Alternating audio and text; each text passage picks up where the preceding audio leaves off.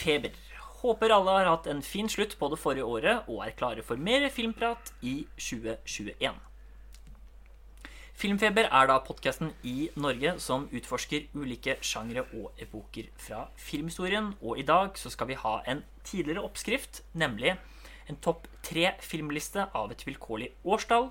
Og denne gangen har vi gått for filmåret 1992. I tillegg til meg, Pål Gundersen, så har vi to andre faste paneldeltakere. Og de sitter fryktelig klare her nå for å starte det nye podkaståret. Rister i stolen, nærmest. Dere skal slippe å vente lenge nå. Vi har Per André Nilsen Hallo. og Tommy Larsson. What's up? Velkommen tilbake. Nå er vi tilbake. Er dere klare? Ah, da var vi her igjen. Det føles lenge siden sist vi satt rundt mikrofonen. To lange måneder, men nå forhåpentligvis er det ikke to lange måneder til eh, neste gang. Nei, Kommer vi litt mer inn i flyten igjen nå. Tok litt eh, lang juleferie, kanskje. Er du klar, Per? Ja, sånn passe. Perfekt. Men uh, først så kan vi jo kanskje ta litt sånn hva vi har sett siden sist. Det er jo ganske lenge, så vi trenger jo ikke ta Ja. hele ramsa akkurat. Men hvis man har liksom en eller to filmer, så kan man jo trekke fram det, som da ikke er fra 1992, da. Mm. Ja, eh, jeg kan starte. Ja, som du sier, Man har jo sett vanvittig mye siden sist, eh, med ferie og sånn i tillegg. Men eh, Ja. Så det blir litt sånn tilfeldig hva jeg velger. Men uh, Vi er spent, i hvert fall. Alltid spent med deg. Hva du finner på. Uh, først og fremst vil jeg trekke frem uh, Toy Soldiers fra 1991. Ah, Bomma ett år på filmepisoden. Som Jeg husker ikke hvor jeg plukka opp dette tipset fra selv. For den er jo ikke så veldig anerkjent at det gjør noe.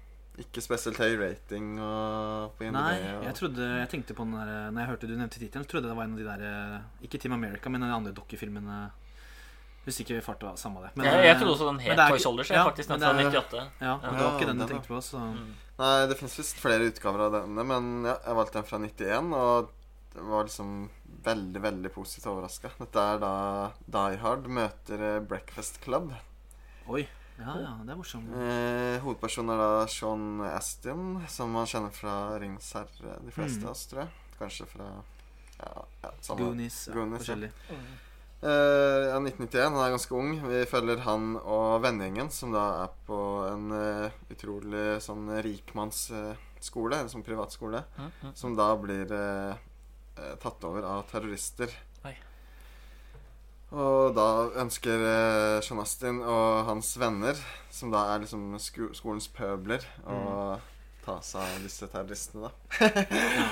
Så det er liksom en veldig fin blanding av den type 80-tallet henger jo igjen, da. Det er sånn 80-talls eh, ungdoms, eh, Mm. eh, om vennskap og den type ting. Samtidig som den faktisk er rated R, da. Å, ja, så det er de terroristene og sånn skal liksom ikke kimses av. da Det tar ganske av. Og filmen er mye mørkere enn eh, man skulle tro i utgangspunktet. da Så det er ikke tullete innfallsvinkel, på en måte? Starten er på en måte tullete. Det er en sånn, ja, som jeg sier, noen leke en high school-filmaktig. Mm. Men så blir det alvorlig. Og så er den balansen er ganske gøy, da. Ja. Og litt sånn uvant, kanskje. Så ja. Det blir da ene, ene tipset. Du tar en til, du, Per. Så jeg kanskje trekke frem en franchise, da. Eh, altså Jeg har sett uh, Critters-filmen, da. Ja, ja, ja. Leo DiCaprios uh, gjennombrudd. Si. blant annet. Så ja, det er egentlig kanskje ikke så utrolig bra, men hvis man liker Stephen King, da, sånn uh, unger i en liten amerikansk bygd, uh, og alle kjenner alle, og Mm. litt små monstre, og Det minner jo veldig om Gremlins. Mm. Så De. Monstrene, i hvert er fall. Det? Er vel fi... Nei, fi, det er fi, originalt fire stykk, og så kom det en TV-serie og en film til i fjor. Eller forfjor. TV-serien? Ja, jeg så begge deler. Det er dessverre, dessverre veldig dårlig. Du går jo all in når du først kjører, da. Så. Ja, det er ofte sånn at eh, jeg liker å gjøre meg ferdig med ting. Ingen slipper unna. Men det er én til fire som gjelder også. Ja, alle de gjelder, faktisk. Ja. Fireren er jo en sånn uh, alien-spoof-ting, så det er artig nok. Og treeren er med ja, DiCaprios debut, som du nevner. Og det er ikke før i treeren. Da kom han som da kjente sin besøkelsestid der. Budsjettet sprengtes. Manuset er faktisk eldre enn Gremlins sitt, da. Så Oi. på en måte så er den litt før, men Jeg tar deg forresten på ordet på at du liker å fullføre ting, for jeg vet du har sett Apu 1. Så nå venter jeg spent sant. på rapport på 2 og 3. sant. Ja, skal Ja, det. ja, ja. Yes. Nice, bra. Eh, Vil du ta litt videre, Tommy? Det kan jeg godt. Uh, ser på lista her over alt jeg har sett siden uh, Germany Year Zero. Nesten to måneder siden. Ja. Det er en del filmer her, eh, men det som skiller seg helt klart ut på min liste, er at jeg har rett og slett etter eh, vår eh, fine Rambo-episode bare satt meg ned og bare pløya Rocky-serien. Eh, virker jo litt eh, bananas med nærmere 20 filmer er ikke så mange, da. Med Stallone i løpet av så kort tid. Men uh, På mangler Sylvester-skjæret? Hadde jo sett den første filmen for uh, ja, 7-8, kanskje mer enn det år siden. Uh, og nå har jeg sett uh, så den på nytt, og så så jeg alt opp til Creed. Så jeg mangler fortsatt Creed 2. Uh, ja, Surra litt med den ettersom ikke Creed var det helt store. Men det var jo morsomt. Eneren var jo sånn som jeg huska. Kanskje til og med litt bedre enn jeg huska. Sånn, den er ganske, den, men den var jo veldig anerkjent og sånn. Mm. Og så sklir jo ut av det fra toeren, men det er jo ikke nødvendigvis negativt. Det er veldig morsomt og god stemning, da. Eh, Så ja, jeg har jo skrevet ned en liten ranking her, da. Men er jeg eh, jeg, eh, jeg, jeg, klarer egentlig ikke rank, jeg klarer egentlig ikke å ranke, men jeg kan si at Jeg kan si de fire beste. da. Jeg, sliter med de bunngreiene, altså. Fordi, sånn Jeg syns for eksempel jeg syns eksempel at femmeren har en veldig morsom slutt, men er ufrivillig morsom, men veldig svak på andre ting. Mens Creed syns jeg skuffer på mye, men at Balboa spiller veldig bra, f.eks. Mm. Så da blir det veldig sånn Hva skal man ta der, da? Men for meg er det i hvert fall uh, De første fire vil jeg si er uh, ranking 1, 3, 4, 2. Det er de fire beste, tenker jeg. Så, og så sliter jeg litt med så sliter jeg litt med fem, 5, 6 og Creed. Det er liksom litt sånn Jeg syns kanskje faktisk sekseren er svakest, men den har noen ålreite ting, den også. Ja. Ja, det ble for de spesielt interesserte, men eh, i hvert fall Én er, en er sånn som alle vet om, men tre, som jeg da sier er nummer, nummer to, der, der koser du deg greit i den åpningsscenen der med utrolig du får, Du får- Tiger Du får veldig lyst til å ta på deg buksehanskene, altså. Det vet noen Det er deler. jo Jeg har jo også hatt et gjensyn med det, de i vinter, og Vi er må jo- på den, altså. jeg må jo si at det er, det er virkelig en av mine favorittfranchises. Ja. Det er, det er karaktergalleriet og musikken, og det er liksom veldig gjennomført og så utrolig underholdende, da. Ja. Jeg så jo en hver kveld i en uke. Så det var liksom Det er intensivt. vel, vel, Ofte så går man litt lei og deler litt uh, opp, da. Men uh, det er så gøy at det det, er så, det er så lettvint å sette det på at uh, det gikk såpass kjapt, da. Ja, samme her gikk fort i starten. Bare surra litt mot slutten ettersom tempoet gikk litt ned på noe. Men eh, ja, det, er, det går ganske fort å se gjennom de. Selv om det er jo tross alt åtte filmer. Men eh, kanskje særlig de fire første er perler på en snor. Som det, rett i dessertbolla. Rett i daimkaka. Det er bare ja. Man blir glad i det derre Det er jo veldig sånn formelbasert og alltid Filmene starter alltid med slutten på forrige match. Og det er liksom veldig formelbasert, og de samme låtene om og om igjen. Men det er, det er morsomt. Se åssen det utvikler seg over åra. Ja, jeg har jo sett en litt annet, men den har ikke så mye annet å nevne egentlig som har skilt seg så bra ut, så jeg tror vi holder der. Det var jo sju filmer eller noe sånt. Så. Ikke sant? Ikke, ikke så dypt inn på 1-1, men ja. Eh, den, en film jeg har sett, er eh, The Adventure of Prince Ahmed. Som da er en silhuettanimasjonsstumfilm fra 1926. ja. Så det er kanskje ikke en film for alle lyttere, men eh, jeg syns den var ganske spektakulær. For det er en veldig imponerende film med tanke på samtiden den er laget i. Mm. Det er jo en av de aller første full feature-length animasjonsfilmene som ble laget. Originalkopiene har blitt ødelagt, så den har blitt eh, restituert i 1998 og 1999. Så, det er, så liksom publikum har ikke sett de så lenge. Og det handler da løst om eh, prins Ahmed som skal bekjempe en ond trollmann og da redde sin søster fra kidnapping. Mm. Og det er da satt i en fantasiverden hvor han drar til den magiske verdenen Wak-Wak ved hjelp av en flyvende hest. Flyvende hest er ikke noe teppe, altså. Nei, og det er jo da spesielt det filmatiske da, som er veldig bra håndverk, syns jeg. Det er jo i noen scener brukt masse akvarellag oppå hverandre, som gir en litt sånn transparent look på enkelte elementer. Eh, og så er det også ark som brettes og brennes opp. Ja, det er en ganske sånn kul sammensetning av disse silhuettene. Så animasjonen i seg selv syns jeg ble veldig imponerende. Og det er spesielt én scene hvor han da slåss mot et sånt uh, Hydra-monster, som kanskje er mest kjent fra Disney Hercules. Ja. Hvor det da kutter av hoder, og da kommer det alltid to nye opp. Mm. Den scenen var ganske kul. Så er det selvfølgelig noen segmenter med historien som ikke er så ve veldig gjennomførte. da Den klassiske 'kjent hverandre i ett minutt', og så ofre livet sitt for kjærligheten. Det er jo ikke sånn så super supertroverdig. eh, Men, men det blekner raskt med siden av alle de morsomme karakterene og animasjonsarbeidet. da Den er faktisk, den er faktisk genuint spennende hele veien, på en måte. Selv om Mm. det er sånn silhuettanimasjon. Det er bare sånn som det er i den der gamle tegneserie 'Ringenes herre'-greia. ikke sant? Hvor det er sånn der bakgrunns På en måte sånn Ja. flate Flate, ja. Og så har du sånn solette foran, og så er det, men det blir dybde med tillegg. Akvarellag, Ja, okay. og liksom Du brenner opp ark, og Ja. det er ganske fancy kult. Ja. Hvor lang er den filmen der, egentlig? Eh. Cirka en time. Litt over, kanskje. Cirka en time. Ja. minutter. Okay. Ja. eh, Overkommelig. Jeg husker den ble nevnt i den der The Story of Film and Odyssey, hvis dere har sett den. Den der Mm. veldig flotte dokumentarserien. Han snakker mye om den. Ja. Så hvis jeg husker riktig, så Den er basert på flere av de der kjente fortellingene 'Tusen og en natt'. Mm. Sånn Aladdin med lampen er til og med en liten scene inne der også. Så Sånn apropos 92, tenker du? eh, ja, kanskje, kanskje. Og så kan jeg en kjapp til. Jeg har sett en Netflix-dokumentar som heter My Octopus Teacher. Som handler om en en nokså snål type som blir jeg vil si nesten helt obsesst med en liten blekksprut. Som lever i havet rett ved der han bor.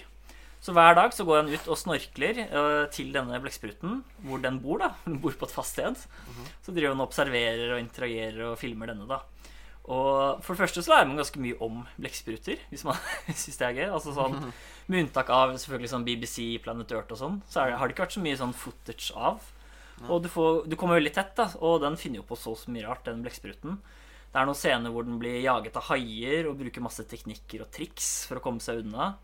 Vi får se at den er i aksjon og jakter på mat selv. Og så er det noen scener hvor den leker med fisker. Og det er til og med en hvor den bruker to av tentaklene og går på to bein bortover.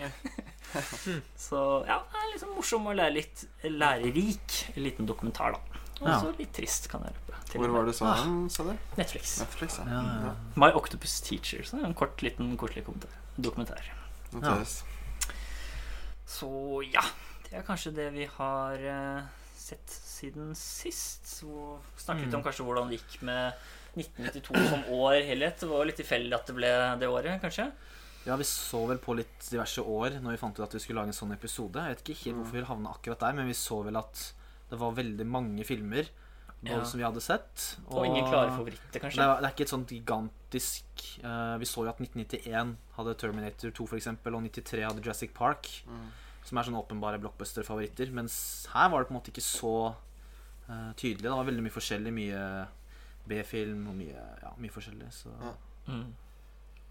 Hadde dere sett mye av det fra før, av sånn, eller var det mest nå i det siste dere så filmene? For min del så har det blitt uh, veldig mye rewatching.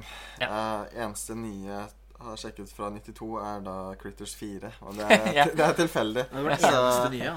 Så ellers har jeg bare sett opp igjen uh, gamle titler. da Ja, for meg så var det mest å bare kartlegge hva som var det beste. Og så har jeg sett opp noen. Jeg har ikke sett noen for første gang, faktisk. Mm. Ja, jeg hadde også litt sånn kombo. Sånn noen jeg ikke hadde sett før, og så noen jeg trodde jeg skulle ha med, som jeg så om igjen. Men det var ikke alle de som holdt seg like bra heller. Da Nei, kan vi jo komme tilbake til sånn Etter vi har hatt lista, så kan vi si de som kanskje ikke holdt seg like godt. Mm. Jeg kan for, jeg kan for moro skyld ta eh, topp ti eh, de filmene som tjente mest penger, bare for å sette litt stemning av hvordan eh, Ja, filmåret var. var. Ikke sant? De som gikk og så dette her, som var uh, unge og lovende på den tida. Jeg skal bare finne fram. Skal vi se. Da begynner jeg nederst. Dette er de som tjente mest penger. Tiendeplass Waynes World. Ja. Mm, klassiker. Niendeplass der kom uh, Bram Stokers Dracula av Francis Ford Coppola. Mm. Jeg kjører en liten sister act. Oi, oi. Syv A Few Good Men. Seks Batman Returns. Mm. Fem Dødelig våpen 3. Kjører faktisk Mm. over Burton og hele pakka. Ja. Fire Basic Instinct, så populær. Mm. Tre Home Alone 2. Ja. Og så to The Bodyguard, faktisk. Ah. Og så til slutt, tronen på toppen ble da Aladdin. Ja, Disney håva inn det året. Disney, ja. Så Koster seg greit. Nei, men supert. Skal vi da kanskje begynne på eh, listene våre? det kan vi gjøre. Ja. Da skal vi altså starte på topp tre fra 1992. Da kan vi jo kanskje begynne med deg, da, Per. Ja. eh, Jeg starter da med en oppfølger. Det har vært ganske mange av de dette året. Så ja, eh, Maniac Cop 3 av eh, William Lustig, som altså har gjort hele trilogien, samt Maniac og Vigilante noen år før.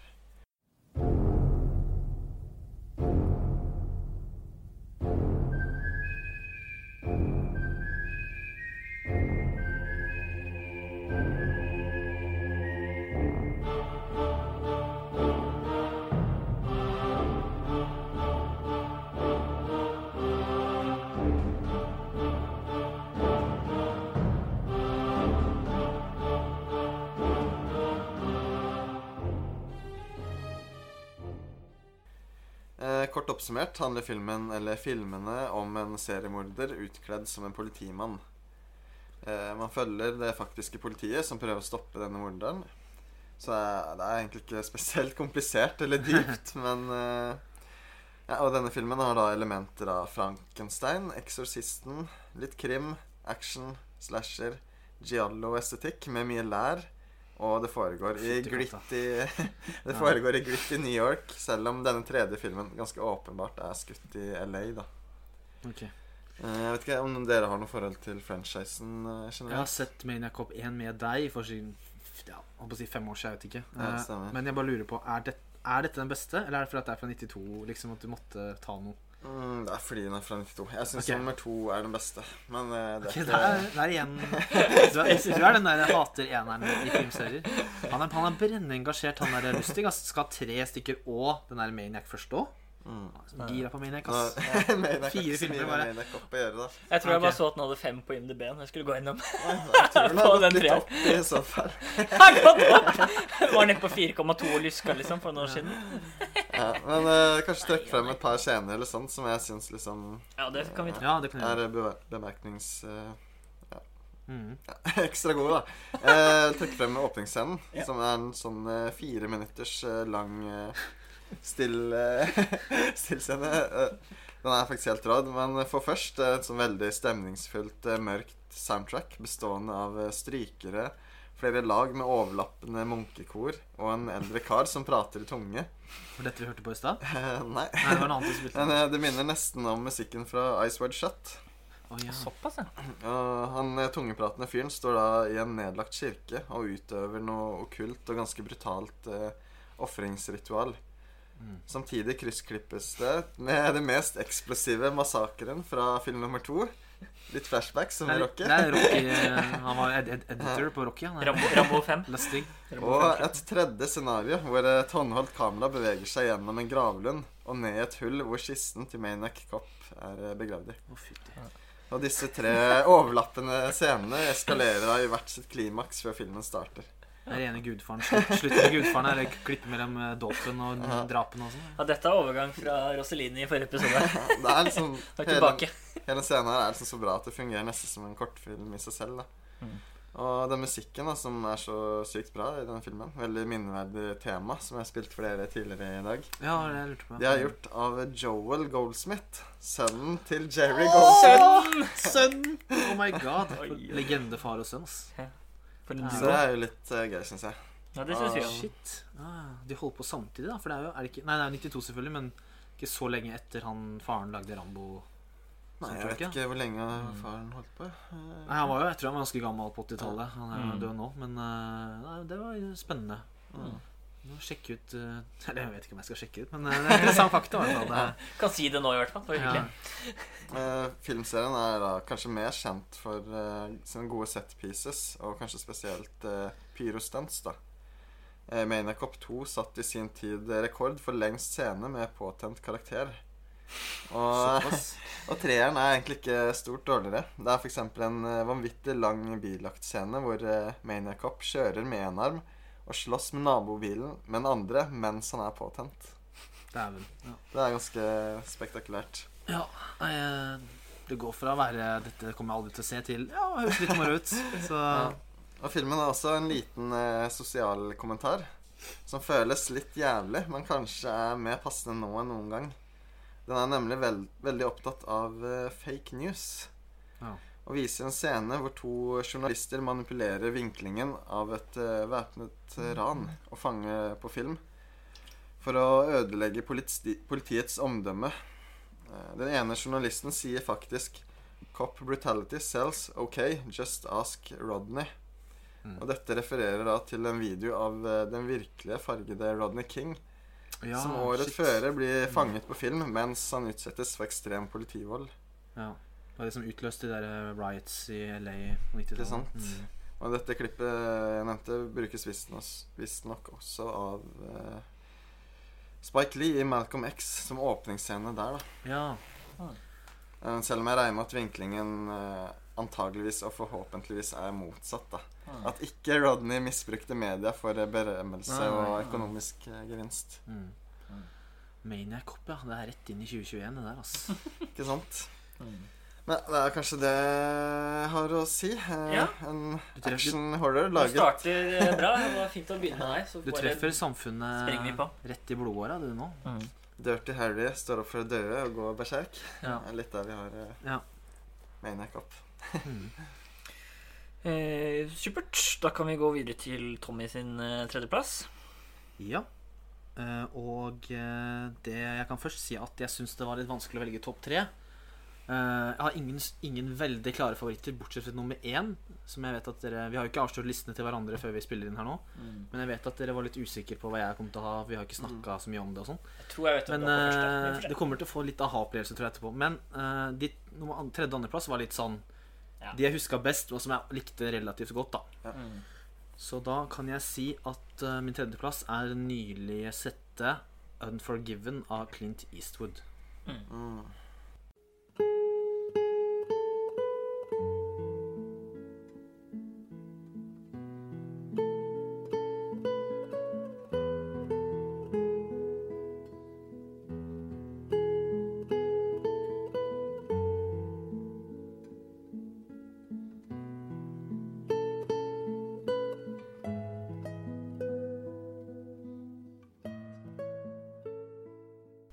Yes. Uh, her går jeg full plebbe. da Dette er jo Best Director og eh, Best Picture fra 1992, faktisk. Ja. Utrolig populær film. Uh, jeg vet at Jeg tror kanskje dere begge har sett den, men det er vel kanskje lenge siden. Mm. Jeg så den jo i strålende 4K, som jeg er blitt sånn frelst i, eh, tidligere i år. Eller var det i desember? Jeg tror det var i desember. Og ja Det gikk ikke inn på sånn topp 100, men jeg ble ganske Jeg syns den var ganske kul. Det imponerte meg litt hvor liksom Hvor interessert den er i å bryte konvensjonene. Mm. Det er veldig anti-western, eller eh, revisjonistisk, som de sier eh, så pent. Og det er jo Clint Eastwood sin siste western, da. Og det var jo liksom poenget at han skulle gjøre, ikke repetere seg selv og gjøre noe helt annet på slutten. Uh, og uh, det som er uh, Ja, det dekonstruerer jo på en måte hele det moralske landskapet i filmen. Fordi Clint er på en måte the good guy fra starten, men han er åpenbart gjort veldig mye fælt. Han er jo en morder, og han er kjent som en morder. Men det er liksom han vi skal identifisere oss som liksom hovedpersonen. Så på andre siden har vi Gene Hackman, som også vant Oscar, eh, som sheriffen. Og han i første scene så tenker man liksom at han er Å ja, det er han som skal liksom rydde opp her. Men så får man jo ganske fort se at uh, det er noe galt der, og han er ganske gæren. da og Han går- Han går ganske det går, ja. Så det syns jeg var veldig sånn Det blir kanskje nesten for tydelig for noen hvor på en måte mye vi skal leke med rollene, men syns det passa bra. Eh, den er liksom så røff, hele filmen. da Den åpner liksom med eh, sånn skikkelig sånn der regn og mørkt, og så er det noen sånne gale folk som angriper prostituerte innpå sånn der, sånn der Hva heter det for noe? Tavern? Eller Ja. eh, Bordell. Og det var veldig sånn Ja, bordell. Ja, det er vel det der, med sånn der eh, bar nede der. Mm. Og det er liksom fordi de ler av at han har liten penis. Eh, ikke noe sånn kul åpning med Clint i solnedgangen. Det er liksom rett inn i det møkka, liksom. Bare skikkelig sånn derre Whiskyen flyr og slåss og veldig voldelig. Og, og de typiske antagonistene er jo liksom egentlig sånn sveklinger. Han ene angrer litt etterpå, og liksom De er ikke så spesielt tøffe, på en måte. At den leker så veldig med de der. Så det er liksom Den føltes litt ny, da. eh, I forhold til mye annet, hvis man har sett mye annet av de fra Mm. 50-60-tallet. Ja, så er det mange at de er, Nesten alle operasjoner er vel gamle også. At det er sånn eldrende westernfolk. Ja. Og Morgan Freeman er jo med der, blant Han er også med, og Ja, hele den gjengen der. En annen ting som går inn på det revisjonistiske, er liksom det er en sånn forfatter med. Og han liksom går rundt og skal skrive historien for framtiden. Og han til og med liksom prøver å overdrive historiene med disse heltedådene, men får beskjed av sheriffen at Nei, nei, det var ikke sånn. Og hvis du skriver sånn, så blir det liksom overdrevet for de som leser det om 100 år. Og, Mm. Så den er jo på mange vil kanskje si det er liksom for tydelig på at dette var sånn det egentlig var, og ikke tro på de overdrevne historiene. Men eh, man har liksom ikke sett så mye som er sånn, da. Så jeg syns det var uh, veldig ålreit, egentlig. Det er på en måte litt sånn spagettivestern mer enn amerikansk på den måten. mm. At det, selv heltene er antihelter. da Det finnes ingen gode i dette Ja. forferdelige miljøet.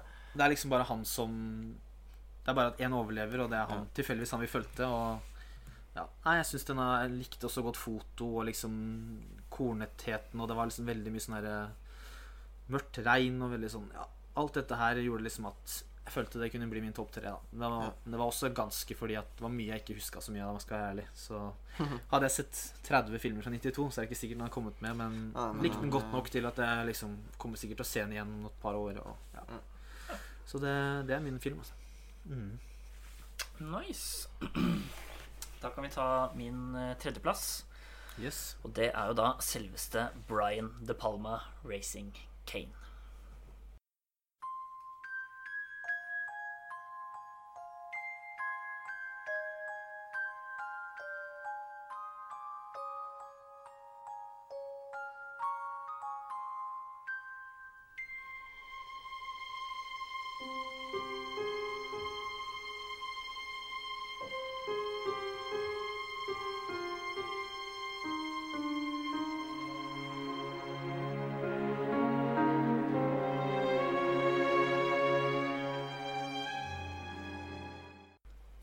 Ja, som The De Palma-filmer flest, så er jo denne både veldig underholdende og stappfull av eh, filmatiske De Palma-grep.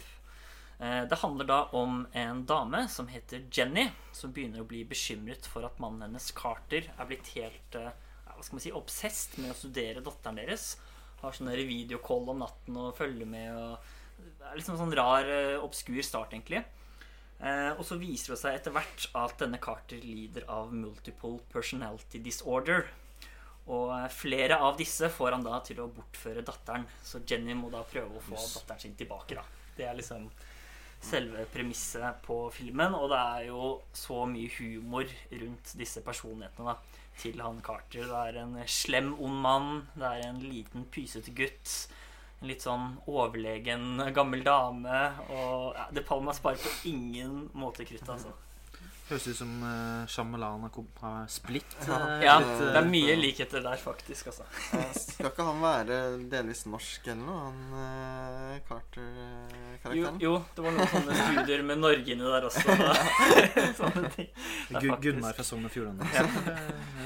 Og så er det også en del faktisk skvettescener. Det er jo ikke sånn så ofte med De men det er en scene hvor eh, eh, Jenny kysser en gift mann når de står ved siden av sykehussengen til hans døende kone. Og så plutselig kommer det sånn horrorskvettemusikk, og man ser da hun kona ser helt sjukt skummelt på dem, helt til hun bare plutselig dør om. Rett om. Det er så mye rare scener inni der. Jeg vet jo at dette er en litt sånn fan-favorite blant uh, Palma Veldig sånn De geeks. Palmask. Ja. Den er liksom han på skrudd på maks, da, på godt og vondt. Den er, slik jeg husker den, så er den også ganske sånn rotete strukturert. ja. Det er jo ikke Eh, liksom den beste historien han har. jeg på men- en måte. Jeg tror til og med fins en fancut hvor ting er liksom ryddet litt opp i. Nå vet jeg ikke om det Det blir kanskje litt feil når man kommer til Brian De Palma, men eh, Mm. det er jo utfordringen med denne filmen nå, da. Ja, den har jo litt sånne Også som ofte De Palma har sånne drømmesekvenser. Og Ja. de som også da får betydning for scenen i handlingen senere. da At hun drømmer om en ting som kanskje ikke skjer likt, men det skjer noe lignende. ikke sant Ja. Det er også sånn mye som De Palma har som Det hørtes veldig kjent ut. sikkert kan være litt rotete, men som jeg syns egentlig ble ganske morsomt. Og det jeg kan kanskje trekke fram av det filmatiske, da, er jo en helt fantastisk longtake.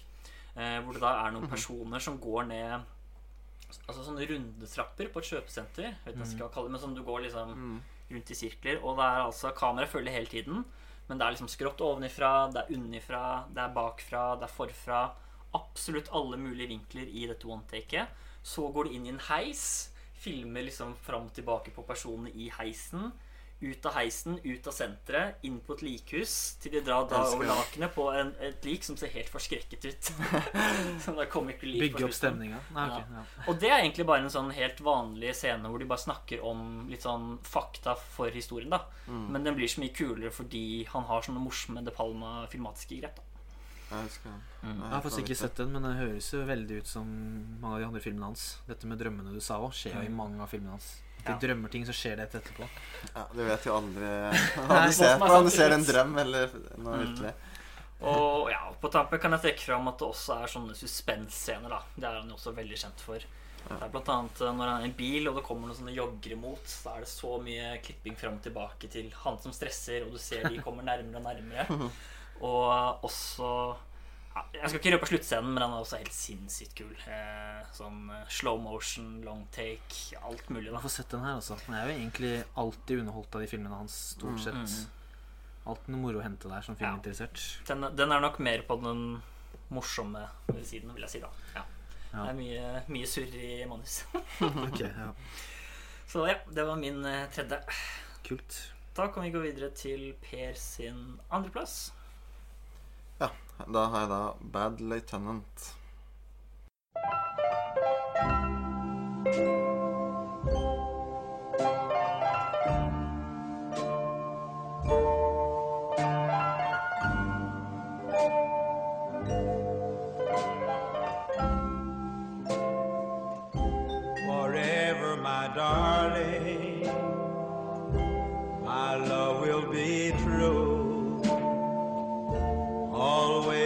Forever, I'll love just you. Just Ja, uh, Bad Lieutenant er da regissert av eh, Abel Ferreira. Som har andre klassikere som King of New York, Fair City, Miss 45 og The Driller Killer. Han er da kjent for uh, å portret- å portrettere New Yorks uh, skyggesider. da Mm. Egentlig ganske likhet med Lustig jeg nevnte i stad. Mm. Eh, som tittelen tilsier, så er det politifilm igjen. Igjen, ja. Ja. Det er det eneste du liker, det. Ja, Police eh, neste. jeg, jeg tenkte på det der. Ja. Politiskolen, ja. Åtte. kanskje Beklager, fra beklager. 92. Fortsett. Eller Hjemme alene 2 også. Noen politier. Den er fra 1992. Ja, det er ikke sant. Der er han Ja, vi får se. Vi Nå, får nå se. saboterer vi her. Altså. Ja. Eh, ja, hovedpersonen er spilt av uh, Harvey Keitel, i, Mm. som ja. da skal løse en voldtektssak av en nonne. Eh, etterforskningen av det, denne eh, krimhandlingen blir da et bakteppe gjennom hele, hele filmen, mens fokuset egentlig ligger på å bølle, bare følge hverdagen til eh, Harvey, da. Mm. Som er, da er fullstendig ute å kjøre. Eh, han banner i kirka, er korrupt. Oi, oi, oi. Ukristelig. Er han er korrupt, han eh, driver uh, ulovlig gambling, er konstant dritings eller ruset på kokain. Uh, han stjeler både penger og dop fra gjerningsstedene, er utro med prostituerte. Så dette er en ganske hyggelig politimann, da.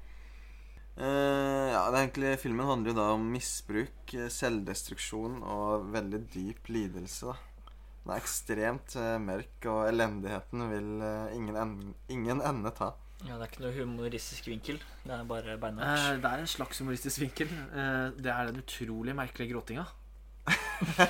Den er rar, altså. Ja, han gråter kanskje litt Han merkelig. gråter på en utrolig rar måte. Men eh, jeg vet, at, jeg vet at noen syns det er veldig trist, men noen Ja. syns det er bare rart og teit. At du faller liksom ut av filmen fordi det virker ikke genuint. her, på en måte. men det er veldig sånn Kan prøve litt, da.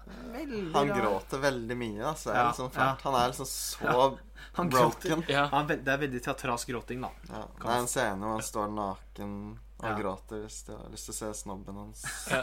så har du muligheten i filmen da. Ja, Det Det, er veldig. Det er så tragisk hele greia. men jeg kjenner jeg må få sett den på nytt, for det er Ja. en del år siden sist nå. uh, Uncut Gems fra et par år siden, 2019. Det låner Mm. veldig mye herfra. Og dette er jo en film for fans av uh, 70-talls Scorsese, Ja, egentlig. helt klart. Bare uten uh, lekenheten om f.eks. filmen i Taxi Driver. da det er, det er på en måte ikke rom for jump cuts og coolness i denne. Mm. Og så syns jeg også den er veldig mye bedre enn Herzogs eh, tolkning av samme historie. Med Nicolas Cage Ja, fra sant 2009. Den har jeg faktisk ikke sett, den Herzog sin, selv om jeg er stor fan av han. Ja. Eh, du vet jo at uh, Cage er heller ikke redd for å gå litt over the top, men uh, det er på en måte Keitels fysiske skuespill og fall som er så enestående med filmen her, da. Han bærer veldig mye av filmen uten at det er kritikk mot Ferrara. Mm. Føles veldig 70-talls nå som du sier det, egentlig. Og Ja. Keitel er jo med i Taxi Driver òg, kom jeg på nå. Sant? Så det er liksom Det er jo en liten referanse tilbake, det der. Mm. Ja.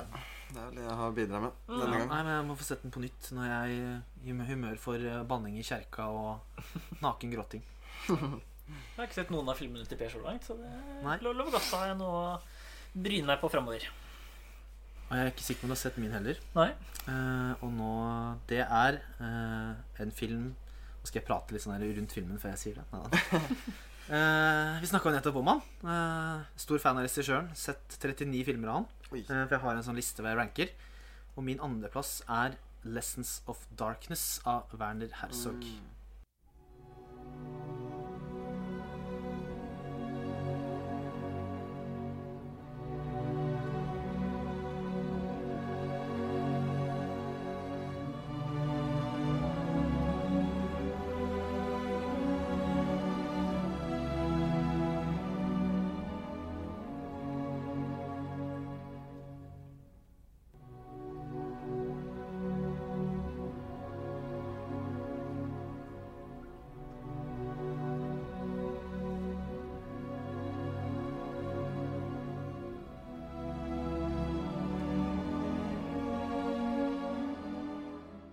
Werner Herzog eh, han har jo laget veldig mye filmer.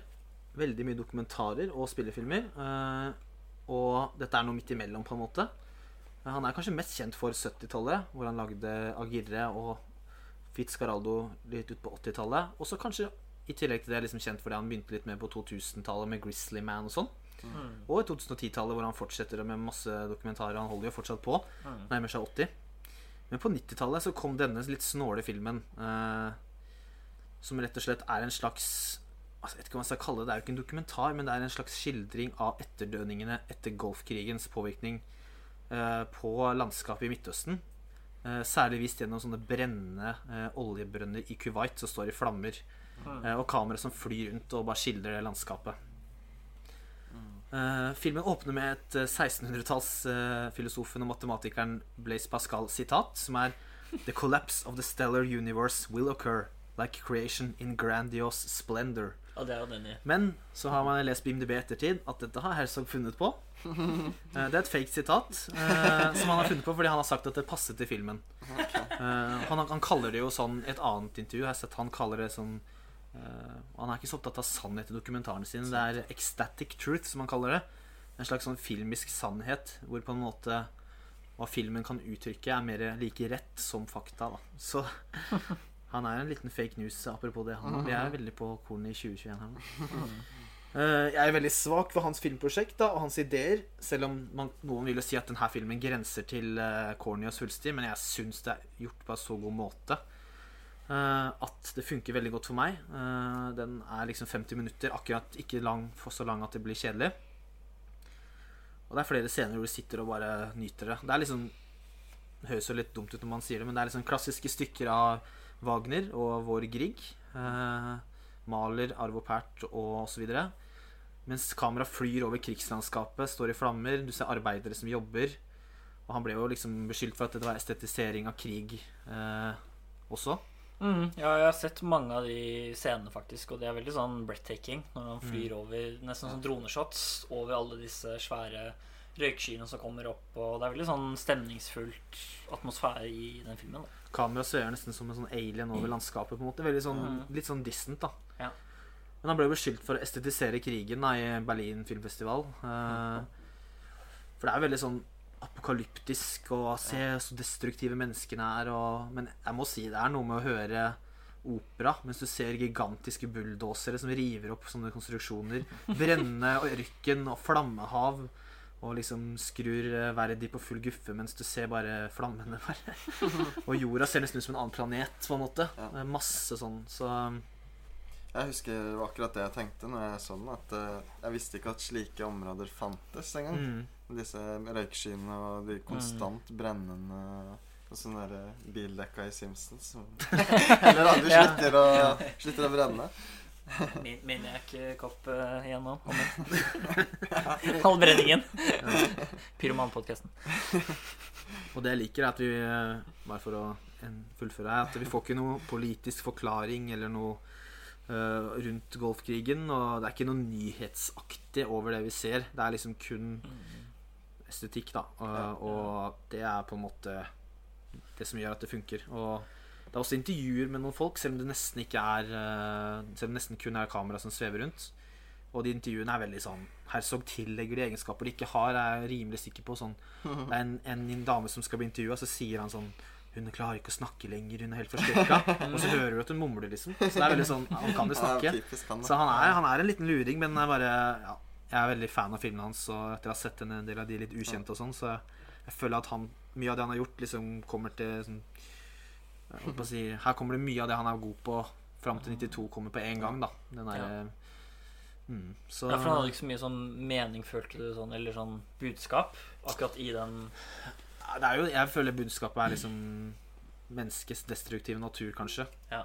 Men det er jo Det er jo ikke noe Det blir jo ikke sagt rett ut, så du må jo bare Fortsatt sånn vil. observerende stil, på en måte. Ja, Mm. så den er snål, men uh, verdt å ta en titt. Så Ja. 1992s andre beste film. Mm. Den er så kort altså. Den er kort, så nydelig, nydelig type. Mm. Supert. Mm. Da kan vi ta min eh, andreplass. Og det ja, Dere som kjenner meg, visste kanskje at denne kom. Det er Studio Giblis Porco Rossa.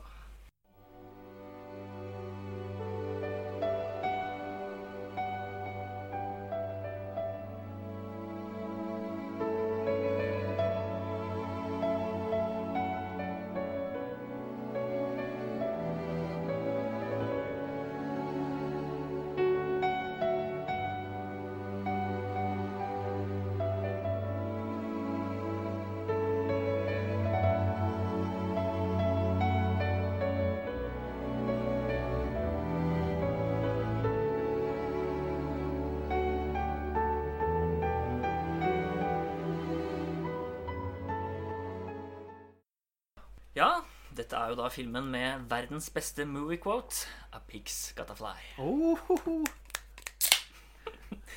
Eh, ja, denne filmen handler da om eh, Porco Rosso, som gjennom en forbannelse har blitt omgjort til en snakkende gris. Han var da en ekskrigspilot for eh, Italia under første verdenskrig, og jobber nå frilans som en slags eh, bounty hunter, hvor han redder folk fra flyvende pirater. Det er er liksom Det er premisset. Altså, man hører jo alltid at det er mye hva skal man si, japansk kreativitet fra Studio Ghibli.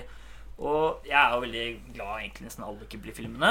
Og selv om den er kanskje ikke er sånn helt oppe blant de liksom aller beste, så syns jeg fortsatt det er en utrolig fin og god film. Og som alltid så må jeg jo trekke fram stemningen, da. Det er jo det som ofte gjør disse Ghibli-filmene. Eh, hvordan liksom musikken er, hvordan filmene har liksom disse små pausene med silence. Så du liksom får liksom trukket inn musikken og stemningen, og selvfølgelig da hvordan den er både laget og tegnet. Alt er liksom så vakkert, og det er eh, ekte locations som man har med i filmene sine. Spesielt én liten øy med et stort herskapshus som er veldig stemningsfull. Dere har vel sett den, eh, dere også? Ja. Jeg føler den er litt undervurdert, egentlig. At den nesten alltid havner på bunnen. Det er alltid et par andre filmer som skal trekkes fram. da. Mm. Men den er jo Den har mye av de samme fine kvalitetene som de, som de har. Jeg tror det egentlig er rett og slett er fordi det er en gris i hovedrollen. At det, er, det er liksom ikke en liten jente eller Ja, barn som vi følger, eller det er ikke noe sånt. Det er en gris. Altså, er Liksom. jo en ganske fæl Eller kanskje ikke fæl, men det er ikke like hyggelig som hovedpersonen eh, vanligvis er. Slåss det er jo og typisk helt. slåss og er frekk og Det er ikke typisk Ghibli, føler jeg, da. Nei. Han har veldig karisma, føler jeg. da Han er litt sånn, eh, sånn eh, Sean Connery-gris, på en måte. Han er jo mystisk og vis og sånn mørk stemme og sånn Oi, Jeg liker så godt når han ligger på stranda med bena liksom sånn her, Det er en når han ligger på stranda.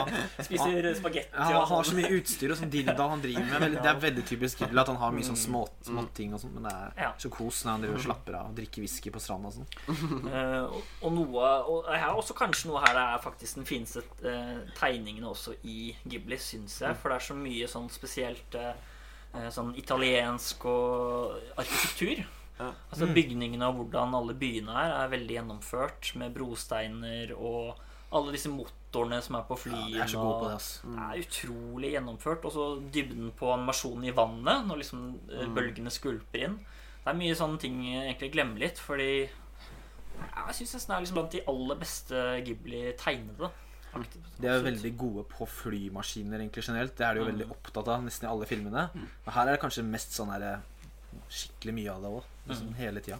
Det er mange, da, men Ja. her får det skikkelig mye Den her og Vindens eh, The Wind Rises. Det er vel Det er jo egentlig nesten i alle Castle in the Sky og Moving Castle, og det er jo mye av det, sånn. men, eh, men eh, ja.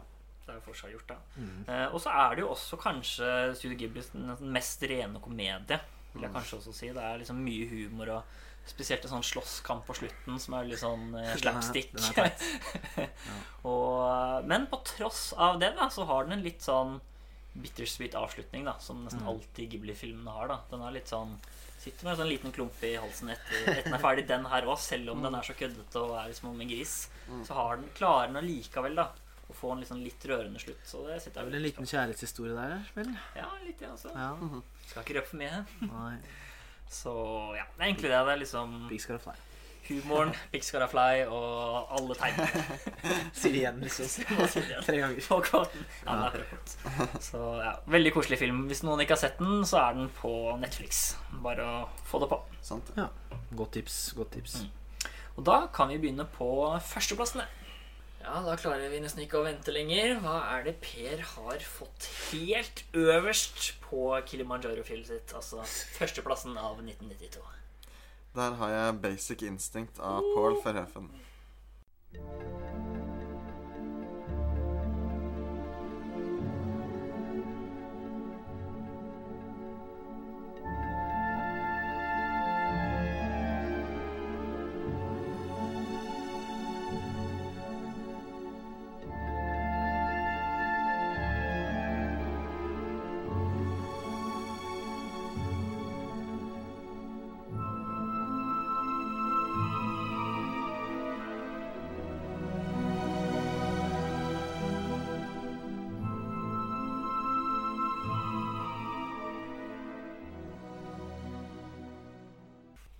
Ser nå at jeg har gått for tre politifilmer som uh, vi ikke var begynte å tulle med det i stad, og så gikk det faktisk opp i en Det var høyere ikke, treenighet. ikke planlagt, men uh, slik ble det.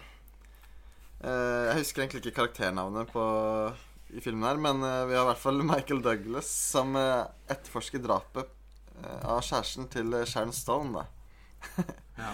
Og hun skriver samtidig en erotisk krimnovelle om et mord som minner veldig om det som skjedde med mannen sin, og hvor hun selv er morderen. da.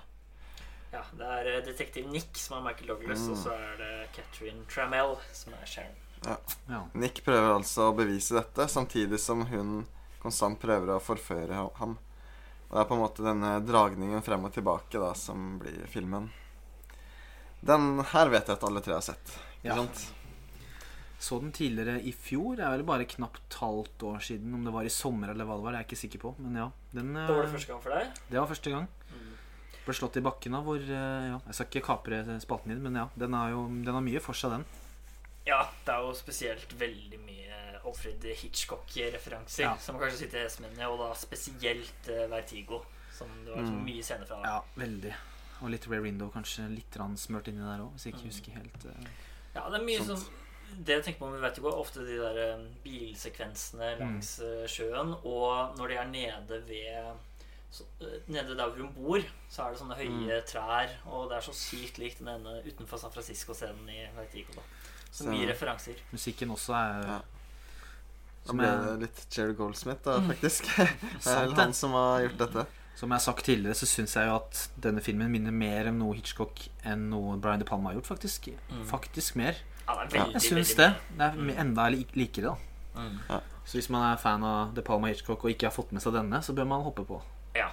Og så har den jo også mye av humoren som, eh, som også er i hans senere film 'Showgirls'. da Jeg syns også den har mye sånn Veldig mye sånn køddete humor i denne filmen der som jeg liker veldig godt. Ja, det er en veldig sleazy film. Ja. Og Sharon Stone sin karakter er kanskje den mest eh, ikoniske fem fatale-karakteren i filmhistorien, vil jeg påstå. Det er Oi. nok av eh, Ja.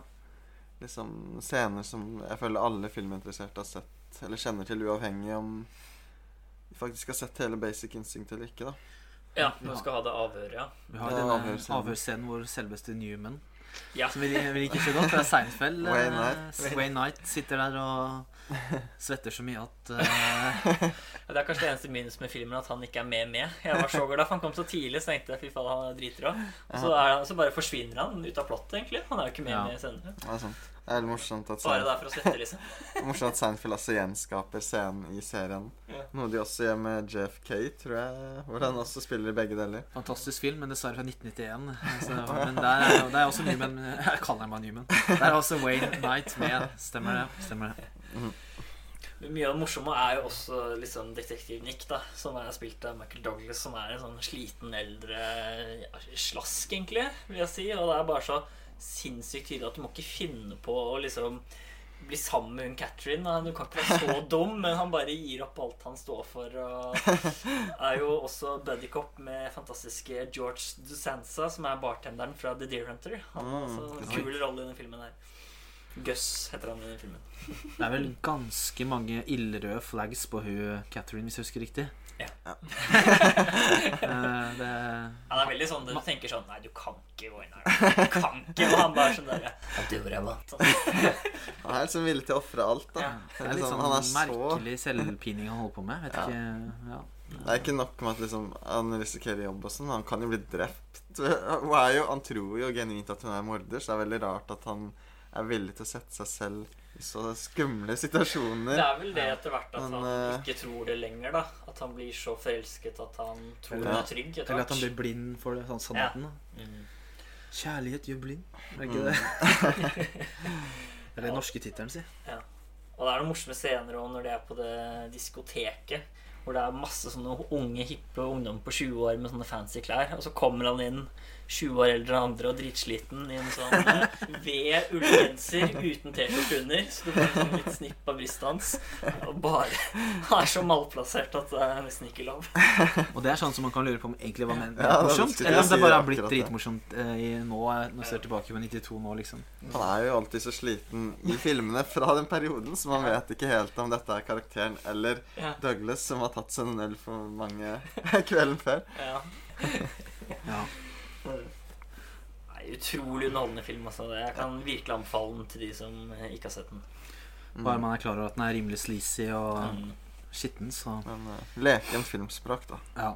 Ja. Veldig, veldig leken. Veldig mye sånn og, Jeg skal ikke selvfølgelig rappe, men det er ofte sånn du tror at noe skal skje, og så holder det litt igjen. Den er Mm. ganske sånn Også sånn Hitchcock-suspens, da, Ja. i filmen.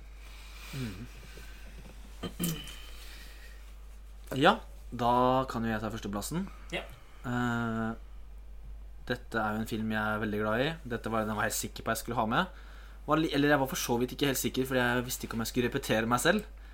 Uh, hakk i plata, for her kommer jo min 90-tallsfilm fra horrorepisoden. Jeg kunne ikke unngå å ha dette på førsteplass. Uh, og min film er da Twin Peaks Firewalk With Me.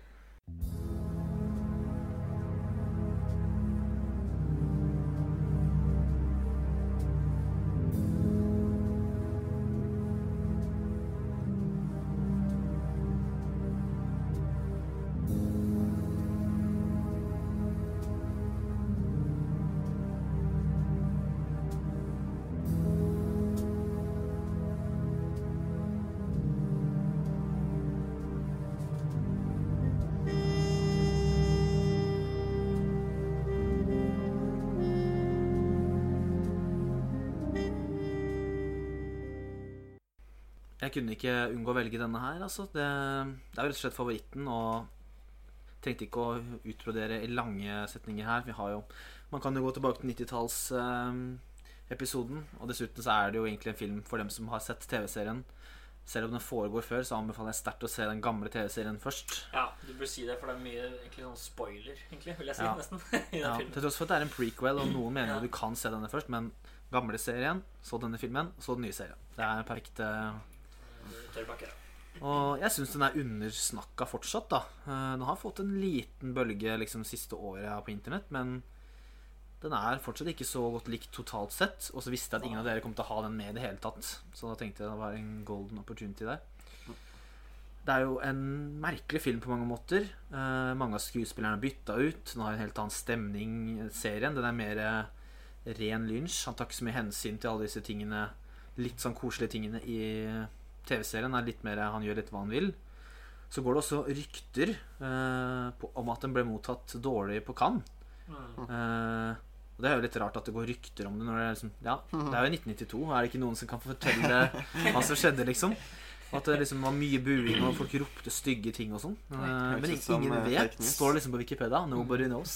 Det er veldig Få spørre de i Maniac Opp 3, da. De eh, driver med fake news. Samtidig ble den også nominert til Gullpalmen, da, så noen må ha likt den. Eh, hvorfor jeg syns den er så bra? uh, ja jeg, jeg liker at den er liksom Den er litt av starten av hva man ser i den nye serien. da Viljen til å liksom nekte å repetere seg selv. Bare bli enda særere. Uh, samtidig som man opprettholder den og videreutvikler den utrolig snåle humoren som er i serien. Uh, og så er det samtidig et veldig tungt alvor. Mm. Veldig grusomt. Eh, Det er skrekk, skrekk, rett og slett. Og jeg tror jeg sa noe sånn som 'kokainrus helvetes reise' i på 90-tallspodkasten. Og det er det virkelig. Du har ikke endra mening? Nei. eh, Jeg skal ikke hakke i plata for mye her, men den der utrolig snåle humoren er liksom perfekt balansert med den ondskapen og skrekken, syns jeg. da Det er liksom Mm. I noen av Cohen-filmene syns jeg det, for eksempel, eh, for å sk- skli litt ut, syns jeg det kan bli liksom Plutselig er det fælt, så er det morsomt, og at det blir sånn rart. Men jeg syns Lynch syns jeg det funker veldig bra. Ja. Pluss David Bowie er med i filmen. Det er et ekstra checkpoint. Ja, jeg skal si at jeg føler at den er sånn mellomtingen fra Twin Peaks til liksom de litt nyere filmene. Du ser Ja. Sånn tendenser til Overgang. spesielt eh, Lost Highway og Mulholland Drive. Det minner mer om dem enn om Blue Velvet og det han lagde tidligere. ja mm, det den har fortsatt litt sånn unikt foto og sånn eh, estetisk uttrykk, syns jeg. Som man egentlig ikke har hatt så mye igjen i senere. Nesten litt sånn klarere bilder på en måte. ja. Som er litt sånn ja, morsomt at han le leker seg litt det er noe som er litt off med alt, for det er liksom så det er, så, det er jo selvfølgelig at det er den idyllen med liksom mor og far og datter. Alt virker så koselig, og så er det noe utrolig galt, da, på en måte. Mm. Uten at jeg skal gå inn på det. Det er jo typisk Lynch, da. Man ser det Ja, samme det i er starten av. Blue Velvet. Ja, det er helt klart. Der er det kanskje enda eh, mer eh, Der er det overdrevent med den koselige Blue Velvet-låta og de der sterke fargene i det blomsterbedet. Her er det ikke så tydelig. Men det gjør det nesten ikke enda eklere. At det er litt sånn herre Du vet ikke om det er en dramafilm om en jente med noen problemer, eller om det er det er. da. Jeg har ikke sett den her.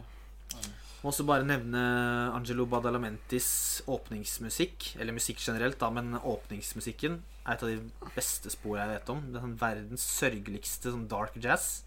Mens vi ser tittelen står eh, Mens det står tittel på filmen, så kommer skuespillernavnet. Så er det en sånn TV-skjerm bak med sånn der white noise, eller hva det heter. Og etter at alle navnene har gått forbi, og kameraet zoomer ut fra den, knuste, eller fra den TV-en, så kommer det en øks inn og bare knuser skjermen. Og det er mange som tror det er litt sånn Fuck TV-serien, nå skal jeg gjøre mitt eget. Ja, uh, eh, så det syns jeg er utrolig Ja. kult. Også låta The Pink Room må jeg bare nevne. Dritfet låt som er med i filmen. Jeg husker faktisk ikke så, soundtracket så godt der. Men uh, det er jo dritkult alt det andre han gjør, både i Team og andre Lynch-filmer. da Så Ja. Ja. jeg, kan ikke, jeg kan ikke se for meg at jeg ikke likte den når jeg så den i filmen. altså soundtracket. Nei, den er som sagt fortsatt litt sånn Den er jo sjelden på folks lynsjtoppliste og sånn, så jeg tenkte Så jeg kanskje aldri nevne på Filmfeber igjen, men uh, One Last Hurrah, holdt jeg på å si. Det, dette er stor filmkunst, folkens. Det var min det uh, er moro at man går litt imot uh, Lynch-konsensus. Ja, Det- Jeg skal ikke late som at jeg er den eneste som har skjønt det. Altså, det er, den er populær, men den er, den er jo langt ifra liksom, topp tre hos de fleste. Men jeg mener at den er hos meg, da. Ja, ja. nei, den er ikke hos meg, dessverre, men eh, sånn kan det være. Da er det min uh, førsteplass. Og det er Hard Boiled av John Oh! Woo.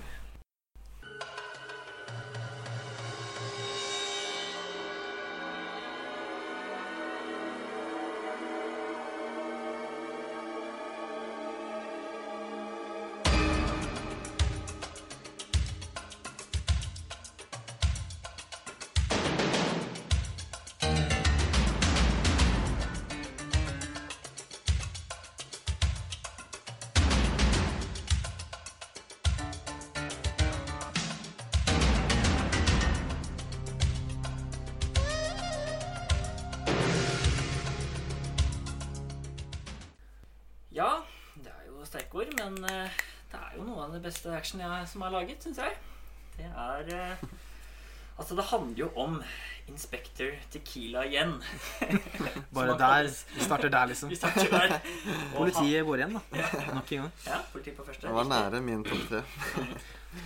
Og han skal jo da ta rotta på en svær, hensynsløs gangstergjeng, og teamer da senere opp med en som heter Alan, som da er en undercover cop blant disse gangsterne. Og så mye mer enn det er faktisk ikke så veldig viktig, for det er ikke manuset som er på en måte i fokus, liksom selve handlingen. da. Det er jo actionsekvensene som er i fokus. Helt klart. Jeg kunne like så godt hatt den på min liste, jeg òg.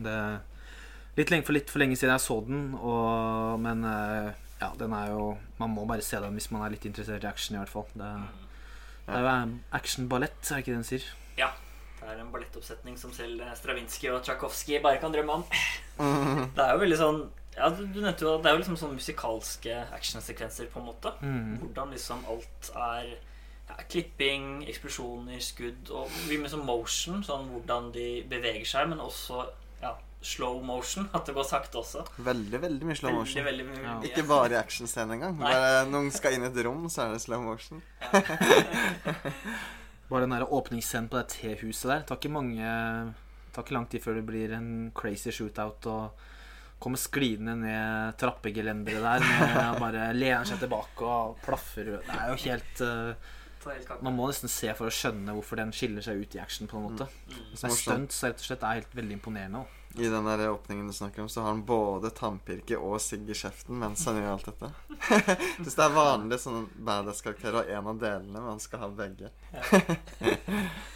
Og så er det litt sånne rare off-greier òg innimellom. Sånn på biblioteket, og så er det en som har vært der tidligere som har drept dem. da Mm. Og da går han og skal liksom se hvor han gikk, og så får du sånn flashback hvor han ser mens han går. Det er bare så rart klippet og veldig sånn morsom og corny scene, da. Mm. Som gjør litt sånn spice til uh, selve. Og i tillegg så er det jo nesten bare korte scener. Men eh, nesten helt på slutten i sykehuset så har han én ganske lang, fin longtake. da Mm. jeg synes det var litt, det jeg var litt kult at han bare viser sånn Jeg kan dette også. Det er bare det Ja. at eh, jeg har ikke lyst til å ha mest av det i filmen. da Ja. Mm. Det er vel at han skyter rundt på bad guys, går inn i en heis. Uh, heisen går til en annen etasje, han går ut og skyter videre. Ja, det går liksom langs Er det? korridor og så Ja. liksom rundt og Det er en veldig lang korridor snur. i Mm. et sykehus. Ja, og jeg har hørt at med den heisen så Hvis jeg husker riktig, så leste jeg på trivia at han gikk inn i heisen, så bare rydda de etasjen, så går han Ja. ut igjen. Så han tar faktisk ikke heisen. Det Så det ikke er, en faktisk heisen, men det er nesten enda kulere at de rydder så fort, da.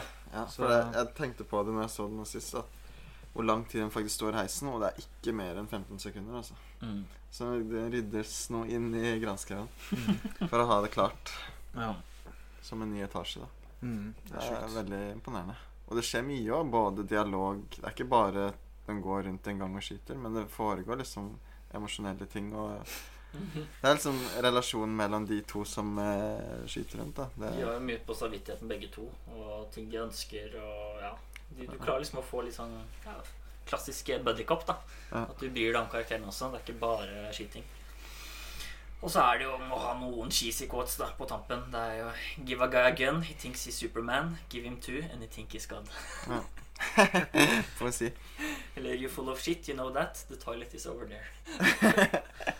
Får lord Byron til å svette eh, poesien på høyt nivå. Så ja, nei, jeg syns eh, jeg måtte ha den med rett og slett, for jeg syns det var så underholdende og kult laget actionsekvenser. Ja. Mm. Det er virkelig over the top. Ja. Jeg kan ikke huske en annen film som har noe lignende, egentlig. Mm. Bortsett fra hans egne filmer, men selv forhold til de, så er det denne her som er de mest imponerende actionsekvensene.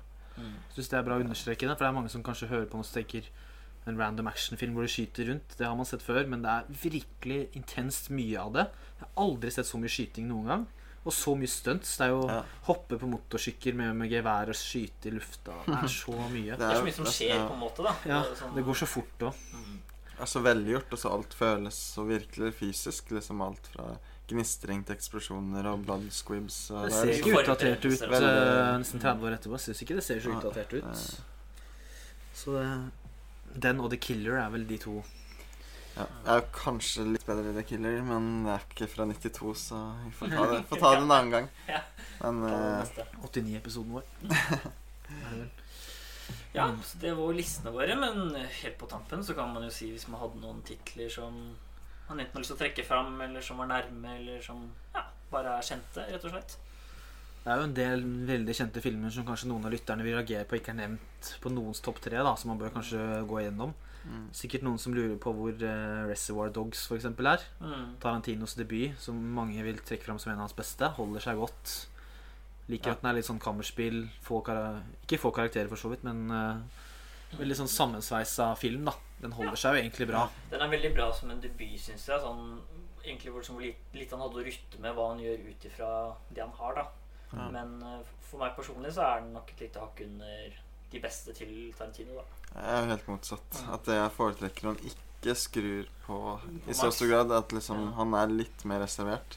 Det er fortsatt mye referanser til filmhistorien, men innenfor samme sjanger. da Mm. Jeg er ikke så glad når man plutselig skal ha anime-scener og Kill Bill. Ja, den ja, den, Den er lik, det, den føles kontrollert da og veldig liksom gjennomført. Jeg Ja. er jo fan av den. Ja, det kan man si. Jeg tror bare at liksom ja, Jeg liker litt den ekstra spicen han har når han rapper litt. Når vi er inne på det, så har jeg også, kan jeg også ta det samtidig at jeg har skrevet ned et par andre actionfilmer òg. Ja. I tillegg til Hardboiled og Reservoir Dogs så syns jeg også man må gi et lite slag for eh, Under Siege. da Mm. Det er jo eh, en klassiker, det ute på båten der. Er synd vi ikke får plass til den. Ja. Det er- kommer rett og slett av at jeg er mer fan av Under Siege 2 Dark Territory. Eh, hvor jeg føler det blir skrudd enda mer opp på humoren og action, og det er bare Det er så over det topp at uh, ja. Det, I tillegg så er det jo Brain Dead av Peter Jackson. Det var kanskje en av de som var nærmest for meg. Den syns jeg er eh, utrolig underholdende. Sånn eh, helt uh, psycho zombie med splatting og mm. I kick for the lord, han presten som karate Kick ass for the lord. Kick ass for the lord. Den var også Kjempe- veldig, Ja. veldig kul film. Så det var kanskje fjerdeplass. I hvert fall veldig, veldig nærme. det er så lenge siden jeg har sett den, men det er godt mulig den hadde tatt plassen til Unforgiven hvis jeg hadde sett den på nytt.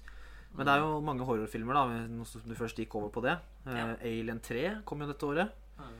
Hellraiser 3, kanskje ikke like mange som er opptatt av den. Mm. Uh, Army of Darkness, som er Evil Dead 3. Så det er veldig Mm. mye treere og veldig mye Ja, ja. franchise, egentlig. Mm. Du nevnte jo Maniacop 3 og Ja. Dødelig, våpen 3 også, som du nevnte helt innledningsvis. Sant. Treerne- Også Candyman, den originale. Ja. Dracula Coppola, som vi også så vidt har nevnt. Og Ja, den er så kul, men den er så lenge siden jeg har sett. Så den hadde jeg ikke hatt nok eh, fornuft til. liker den på mange måter, og syns noe av det er veldig dårlig også. Den er litt sånn midt på tre-film for meg. Ja. Jeg liker den egentlig ganske godt. For de virkelige eh, horrornerdene så har vi også House 4. Mm. Eh, og så kan man jo slenge på Batman Returns, da, som er jo en ganske stor film. Mm. Det er jo grenseland til horrortendenser der òg. Ja. Så har du en gammel animasjonsfilm som jeg så sykt mye på på god gamle VHS. Det var Fern Gully, en sånn eh, Rainforest-animasjonsfilm. Nei, det kjenner jeg ikke til. Så Nei, ikke heller. Den er også fra 92, faktisk. Og annen barnefilm, 'Hjemme alene 2', så er jeg med. Hadde også Ja. dobbel Den, må man, VHS-boks. den må man nevne. Det er jo en klassiker. 'Hjemme alene 1' og 'Hjemme alene 2'. Nesten like god som eneren. Mhm. Ikke så langt unna. Ja. Verdens koseligste butikk i denne lekebutikken. altså. Ja. Aladdin er jo også, apropos animasjon, det var jo toppa box office, som vi snakka om. Og Stemmer, ja. man kan uh, Ja, nei. For, eh, de som liker John Woo, så vil jeg anbefale en, som het, en film som heter Rapid Fire, med Brandon Lee, sønnen til Bruce Ja. Lee. Som har veldig mye av den samme estetikken som ja, Hardboiled, da. Mm. Og fans av eh, Basic Instinct kan også nevne Bitter Moon Ja, av Polanski. Som også har litt av samme Det er ikke en krimfortelling på, på samme måte, men litt av eh, eh, samspillet mellom eh, han og hunnkjønn og forføring og den type ting. Ja, den, den har jeg skrevet ned i den lista filmer jeg ikke har sett. Det er så mye film fra det året her. Altså, det er andre I tillegg til Bitter Moon så har jeg skrevet ned Baraka, eh, Malcolm X, White Men Can't Jump. Siste Mohikaner var også en stor film dette året her. sant. The Player av Robert Altman, Howard's End, uh, Patriot Games med Harrison Ford. Det er så mye at uh, Det er mye man kunne satt seg inn i her, altså.